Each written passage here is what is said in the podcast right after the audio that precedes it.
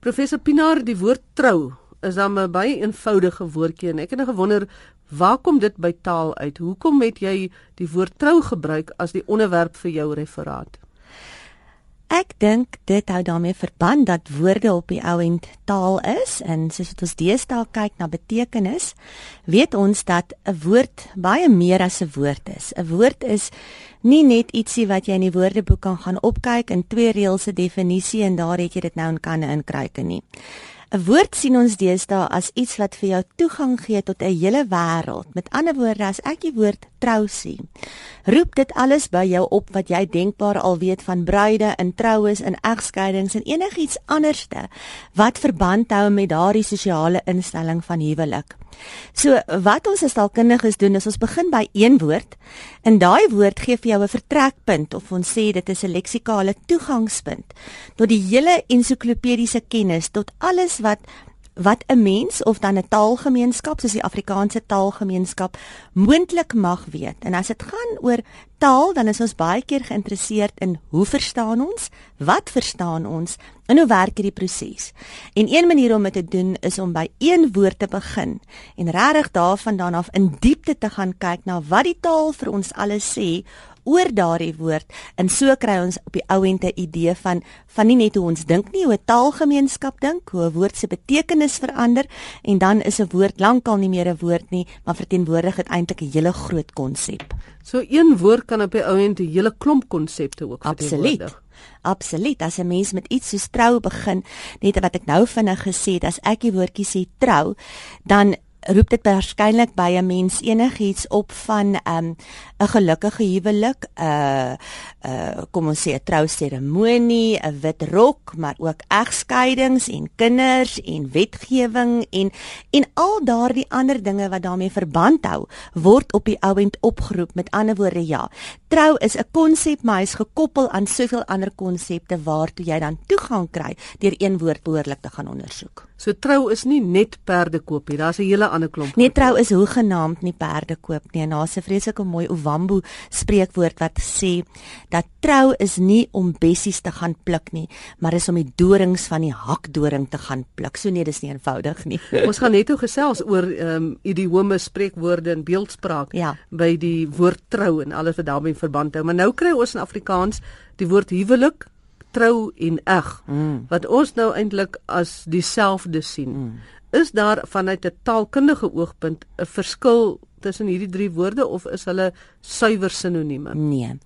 Kyk, ek dink om mee te begin, weet ons nou al dat iets soos werklike sinonieme nie bestaan nie want 'n taal is daarop gerig om ekonomies en presies te wees. So ons het eintlik geen woorde wat werklik presies dieselfde beteken nie. En as 'n mens nou gaan kyk na wel eers net in terme van forme, formaliteit natuurlik, is die huwelik, die woord huwelik baie formeler as wat 'n woord soos trou is en ek is self ook baie formeel meel. Maar as 'n mens nou gaan kyk na ek het my in huwelik begewe, ek het getrou, ons het in die eg getree, is daar 'n stilistiese verskil, maar daar's ook 'n betekenisverskil. In die sin dat eg wat 'n gedeeltelike sinoniem is van trou, ook ander betekenisse het wat nie streng gesproke onder huwelik val nie. Maar as ons tog gaan dink aan daardie idee van eg en oneg, met ander woorde waar en vals, dan het huwelik iets daarvan van 'n saamblyverhouding is nie dieselfde as om in die eg te tree nie. Dis nie werklik nie. Dit is speel speel as ek dit so kan stel. Maar dan praat ons wel van goeie soos 'n onegte kind, die arme kind. Met ander woorde, 'n kind wat nie in die huwelik gebore is nie. So nee, hierdie woorde beteken nie presies dieselfde nie. 'n Woord soos trou het weer baie sterk assosiasies van lojaliteit. Ons kry dit ook in iets soos trou vir land of vir taal of vir volk vroeër jare. Ehm um, terwyl huwelik self reg regtig eintlik net ingestel is op die samekoms van twee mense in 'n bepaalde seremonie. So nie hulle beteken nie presies dieselfde nie, maar juis wat ons nou oor vroeër gepraat het is deur na hierdie gedeeltelike sinonieme te te kyk, kry 'n mens ook weer verdere insaag in wat hierdie konsep beteken.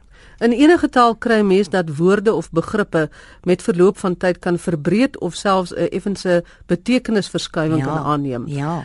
Ehm uh, het jy ook bevind dat in die Suid-Afrikaanse moderne samelewing die betekenis van die woord trou verskuif, verskuif of verbreed het om aan te pas by die samelewing sodat dit taalkundig eintlik nou 'n groter betekenis het. Absoluut.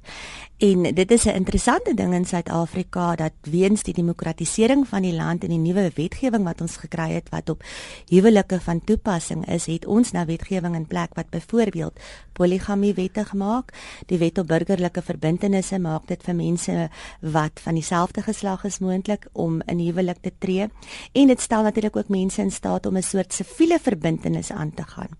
Sodat wat trou jare terug beteken dit lankal nie meer is nie dat vroeër jare die tipiese prentjie van die man en die vrou en die kerk en al daardie tradisionele konsepte is op sy kop gekeer met 'n groot uitbreiding waar huwelik nou kan beteken, het dit nog altyd beteken, maar dis nou dis nou meer prominent sluit poligamiese huwelike in. Dis 'n oud gebruik in Suid-Afrika, maar miskien 'n bietjie vreemder in die Afrikaanssprekende taalgemeenskap. Dit beteken trou kan op hierdie stadium ook verwys na huwelike tussen mense van dieselfde geslag.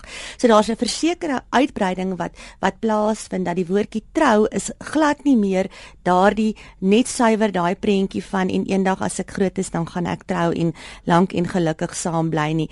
Dit wat die, die samelewing vir ons gee het so dramaties verander. Eenvoudige ding Ek lees nou die dag. Hulle sê ongeveer net 33,5% van alle kinders in Suid-Afrika word word word by hulle ma en hulle pa groot. En dit word toegeskryf aan die lae voorkoms van huwelike. So dit is nie meer iets wat so voor die hand liggend is nie, dit het verander. Nou wat maak 'n mens nou met die moderne woordeboeke of geskrifte soos die etimologie? Lyste of woordeboeke waar jy die betekenis van woorde gaan naslaan. Dit sal mos nou aangepas moet word. Byvoorbeeld nou met die woord trou. Verseker gaan dit aangepas moet word. En ek dink die belangrike ding daar is en ek herinner my dat ek 'n hele paar jaar terug, nie so lank terug nie, um, in Frikkie met Frikkie Lombard daaroor gepraat het wat hy gesê het spesifiek oor die woord trou op hierdie stadium. Sal 'n mens baie mooi moet gaan kyk na jou definisie wat nie meer kan sê dis 'n instelling tussen 'n man en 'n vrou nie, want dit is dit nie meer nie. So jy gaan moet sê tussen ehm um, wel twee mense waarskynlik om mee te begin en jy gaan ook voorsiening moet maak vir 'n ruimer definisie wat voorsiening maak vir 'n tweede en 'n en 'n derde vrou in 'n poligame huwelik wat nou nie dieselfde is as wanneer jy geskei is en 'n tweede en 'n derde huwelik um intree nie. So ja, natuurlik gaan ons ons definisies moet aanpas om die wetgewing te weerspieël om die samelewing waarin ons bly te weerspieël. Jy het verwys na dit is nie meer net 'n huwelik tussen 'n man en 'n vrou nie. 'n ja. Interessante staaltjie wat jy in jou referaat gehad het oor die Chinese vrou wat met haarself getrou het ja. om 'n punt te maak. Ja, dit was net so 'n interessante geval. Dit was hier in 2010 as ek dit nou nie mis het nie. Was dit 'n Chinese vrou wat met haarself in 'n huwelik getree het. Sy is 'n um, professionele vrou en op haar 30ste verjaarsdag het sy besluit sy tree met haarself in 'n huwelik want dit sy gesê haar vertrekpunt is dat sy moet in die eerste instansie lief wees vir haarself, ehm um, voordat sy dit kan oorweeg om met iemand anders in huwelik te tree. En die storie is deur die definitief deur die burger gedra. Ek kan nie onthou of dit in die beeld was nie.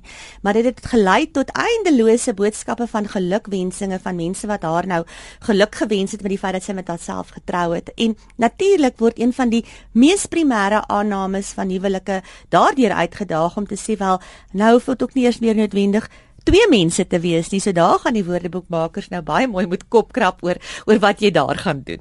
Wat is die moontlikheid vanuit 'n taalkundige oogpunt dat daar heeltemal 'n nuwe woord geskep kan word vir 'n verbintenis tussen mense? Dan word dit trou, huwelik, eg raak dan ou ou gebruik en daar is 'n nuwe woord. Dit sal interessant wees. Ek is nie op hierdie stadium bewus van so 'n woord nie, alhoewel ek dink wel dat die wet op ehm um, burgerlike verbintenisse al klaar iets daarvan probeer weergee om te sê, maar dis dis 'n verbintenis en 'n verbintenis is 'n aspek van wat ons tradisioneel onder huwelik beskou, maar dit is nie heeltemal dieselfde nie. So ja, ek weet nie, dit sal interessant wees dalk het ons vir 500 jaar net verbintenisse en nie meer huwelike nie. Die woord trou kom tog in baie beeldspraak idiome en spreekwoorde in Afrikaans ja. voor. Vertel vir ons 'n bietjie van jou ervaring daar daarmee.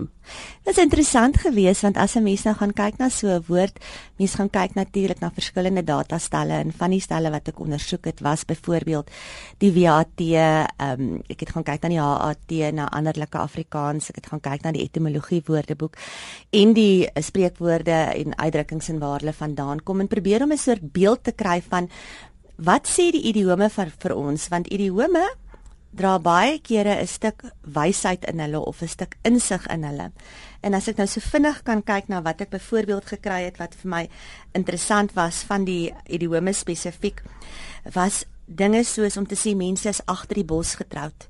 Dit is nou wanneer jy saam bly maar nie wettig getroud is nie of byvoorbeeld hulle is getroud maar nie gekerk nie. Of 'n mooi ene was ook om oor die puthak te trou wat blykbaar teruggaan na Middel-Nederlands toe waar die gebruik was waar daar nog 'n put in die ou dorpies was en daar was sterk moraliteit in daardie gereformeerde kalvinistiese agtergrond Ehm um, en jong mans en meisies mag nie noodwendig in die sosiaal in die openbaar sosiale kontak met hulle gehad het nie, maar as hulle gaan water haal het daar by die put. Daar kon hulle nou lekker staan en kuier en dan het jy nou oor die putdak getrou. So dis ook daai suggestie. Dan anders wat vir my nou nogal 'n interessante ene was, was ook 'n soort wysheid wat uitgekom het, dinge soos byvoorbeeld 'n huwelik wat nie noodwendig het verwys eintlik na 'n ouer man, die ou bok en die jong blaartjie, waar ons hierdie idiom het van vars botter en warm brood is 'n ou man se bittere dood. So daar het iemand al die pad gestap en ook gesien dis nie ehm um, noodwendig altyd so maklik nie. Dan kry 'n mens natuurlik ander wat ehm um, ook interessant is, soos byvoorbeeld honger trou met dors. Dis nou as albei ewe arm is en hulle gaan trou met mekaar, dan moet jy nou weet die moeilikheid gaan nou gaan nou definitief kom. Ehm um, en dan is daar baie interessante soort van ander beelde wat 'n mens kry wat ek sit net ekskuus ek sit nou dink nog van die beelde met trou as woord in is om voor breakfast te trou dis daardie irrasionele vinnige trou of dan ehm um, trou is niks nie maar die lank hou die implikasie van die idee dat 'n mens trou tot jy doodgaan maar dan saam met die idiome natuurlik ook heelwat beelde wat wat ook vir 'n mens iets gee van wat in die Afrikaanse taalgemeenskap se siege lê en in hulle verstaan van die konsep trou is om af te sluit um, professor Pinaar Wat sou jy wou sien met nou gebeur met hierdie bevindinge van jou oor die woord trou? Ek dink dit gaan daaroor dat 'n mens graag soort van 'n spieël wil hou en wil sê dit is so 'n diverse taalgemeenskap. Ons is ons is so uiteenlopend. En almal se indrukke of idees van trou is op die ouend geldig en vorm deel van hierdie baie breë konsep. So, so wat wil 'n mens weer bereik? Ek dink 'n mens wil dit oopmaak om te sê maar daar is verseker baie maniere om na trou te kyk. Mense se ervaring van trou is verskillend. Dis almal ewe geldig. So miskien 'n 'n bietjie 'n soort verdraagsaamheid om te sê dat dat dat my idee van trou en jou idee van trou is dalk nie dieselfde nie, maar dit maak nie enige van daardie idees ongeldig nie want dit is alles deel van hierdie breër konsep binne die Afrikaanse taalgemeenskap en dan dat die taal kan help om hierdie progressiwiteit 'n bietjie aan te wakkel. Ja, die die taal gee dit. Die taal sê reeds vir ons dit is daar. En deur net 'n bietjie na die taal te kyk, sien jy hierdie spieël van van hoe ons gemeenskap lyk en ek dink ook deur mooi om te gaan deur wat 'n mens met taal sê en en om bewus te wees van van wat jy regtig oordra as jy 'n bepaalde woord gebruik, dis waarskynlik ook sinvol.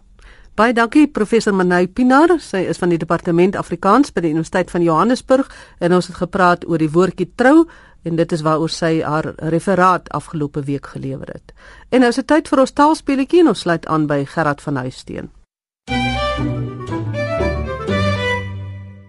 Vandag is dit weer tyd om 'n diktee te doen. Ek lees die sin en jy moet dit skryf of ten minste dink hoe dit geskryf moet word. Ek beklemtoon en herhaal telkens die woord of frase waaroor dit eintlik gaan. Hier's ons sinnetjie vir die dag. Die gulde het van die gulde geleentheid gebruik gemaak deur 5 keer te vyf by die visvywer. Ek herhaal hom. Die gulde het van die gulde geleentheid gebruik gemaak deur 5 keer te vyf by die visvywer. Om ons met hierdie tonknoper te help, het ek vir professor Rufus Gous van die Departement Afrikaanse Nederlands van die Universiteit van Stellenbosch gevra om ons vanoggend te help. Rufus, hoe hanteer ons gilde? Dit is deel van die tonknoper wat jy nou daar vir ons genoem het. Gerrit en daar's 'n hele paar woorde in daai sinnetjie wat uh, mense tong laat drie dubbel knoop. Gilde is een van hulle.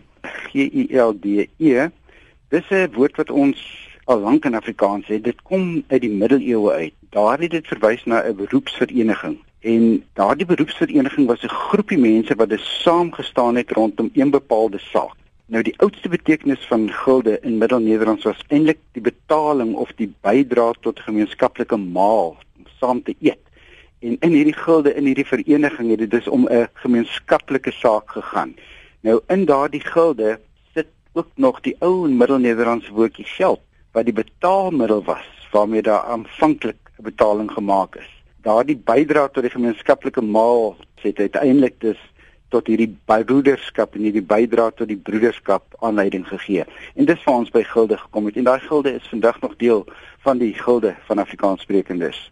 En die betaalmiddel was dit in Nederlands nie altyd 'n gulde nie met 'n unie. Dit bring ons by die tweede woordjie wat 'n tonknopende woordjie in jou sinnetjie is. Die gilde het van die gulde geleentheid gebruik gemaak. Daardie gilde wat in Afrikaans nog goue beteken, kry ons ook uit Nederlands gulden Nou die die mooi verhaaltjie in Nederlands en dit gaan ook weer eens terug na Nederlandse ouer vorm Middelnederlands. Daar het ons die woordjie gulden of wat as gulden G U L D I J N geskryf is, maar ons het toe reeds 'n uh, variasie gehad van goudien. So in Middelnederlands en ook in moderne Nederlands tree sowel goud as gulden op. En die gulden is dus volledig maar volledig skakelbaar aan goud. En dit is waar die Nederlandse muntstuk sy naam ook gekry het of die betaalmiddel wat ons tot voor die euro uh in Europa in werking getree het gehad het. Dit is die daartoe muntstukke nog uit goud geslaan is. Nou julle as moet hoor vandag in Europa gaan uh is 'n euro nie naaste by sy gewig in goud werd nie en dis maar goed hulle noem hom nie meer 'n gulden nie maar liewer 'n euro maar die gulde van gulde geleentheid sit dus nog steeds in in goud vas. Dan kom ons by 'n vangplekkie gebruik maak. Ja, en nou wil ek sommer van hierdie geleentheid gebruik maak gerad om te sê hier sit ons met een van daai goed in die taal waar ons baie baie navraag oor kry. Moet gebruik maak een woord wees of moet dit twee woorde wees? Die taalkommissie in die woordlys en spelreëls het 'n afdeling oor skeybare werkwoorde en werkwoordelike verbindings. En 'n voorbeeld wat daar gebruik word as ek reg onthou is is die woord kennis maak. En daar gesê kennis maak kan of as een woord of as twee woorde geskryf word. Ek dink oor die algemeen het die twee woord skryfwyse waarskynlik 'n hoër gebruik in Afrikaans as die een woord skryfwyse. Maar gebruik gemaak kan dus as twee woorde of as een woord geskryf word. Dan kom ons by 'n telwoord 5. Ja, en hier sit ons met so rykie 5 en 5 en visvywer wat wat almal vyferig vir ons klink. Ons telwoord 5 wat ons in Afrikaans het. Die ding soos 'n klomp van die uh, elemente in die Afrikaanse woordeskat gaan ook maar terug na na Nederlands en daardie 5, daardie telwoord gaan 'n ver ver entjie terug na die 8ste eeu toe. Ons het ou vorm gehad 5 en 4 wat in Nederlands en in Middelnederlands opgetree het en ons het vandag nog heelwat optekeninge daarvan uit hierdie ou forme. Die interessante ding, die woord het nie regtig dramaties verander oor al hierdie eeue heen nie. In Nederlands is hy uiteraard anders geskryf. Ons het die spelvorm in Nederlands 'n i waar ons in Afrikaans die y het, maar die vorm 5 in Nederlands is oor jare heen het daai 5 nooit 'n 6 geword by wyse van spreek en hy het sy vorm behou. En dan 5 as uh, mens te veel 5 dan word jou 5 maklik 6 waarskynlik. Jy is heeltemal reg en daai 5 wat na 'n jolige partytjie verwys en 'n prettige manier van feesvier het ons ook uit ons Nederlands gehad. Nou in Nederlands het ons die ou werkwoord vyfen gehad wat beteken om fees te vier of te onthaal. En in die 19de eeu het ons byvoorbeeld die verklaring onthaal en feesvier gehad vir daardie 5 hy het in Afrikaans gewoon na ons toe oorgekom en ons het die tipiese ding gedoen wat met werkwoorde gebeur het. Die EN uitgang wat jy in Nederlands gehad het, het gewoon weggeval en daai vyfin wat jy in Nederlands gehad het, het vyf in Afrikaans geword, maar daar het 'n belangrike spelling verskil gekom. Vyfin in Nederlands, die werkwoord is F U I V E N en vyf die werkwoord in Afrikaans, daardie laaste uh konsonant het 'n F in die geskrewe vorm geword sodat ons F U I F vir die Afrikaanse vyf het.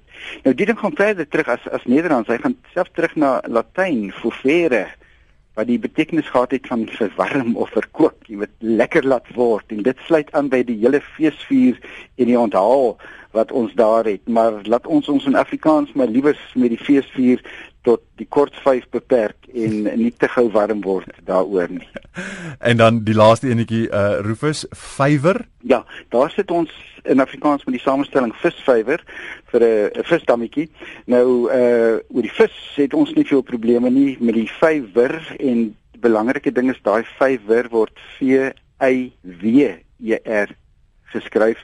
Hy lyk dus anders as ons 5 wat die telwoord is. En daardie vywer gaan ook weer eens terug na Nederlands. En in Latyn is daar 'n ou vorm vivarium. V I V A R I U M. En daardie vivarium het die betekenis gehad van 'n plek van lewe. 'n visvywer is dus 'n plek waar die visse hopelik nog kan lewe.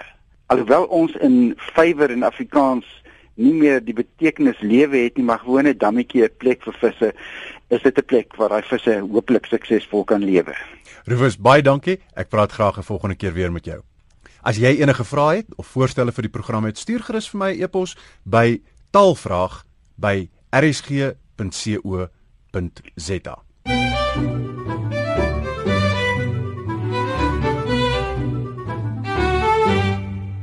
Ek het altyd gedink 'n vywer is 'n guns nooit te oud om te leer nie, né? Baie dankie dat jy geluister het na die tale wat ons praat. Bly ingeskakel op RSG, nog baie programme wat voorlê. En onthou vanaand 8uur kommentaar wanneer daar kommentaar gelewer word op die nuusgebeure van die afgelope week. Groete van my Magtleen Creer.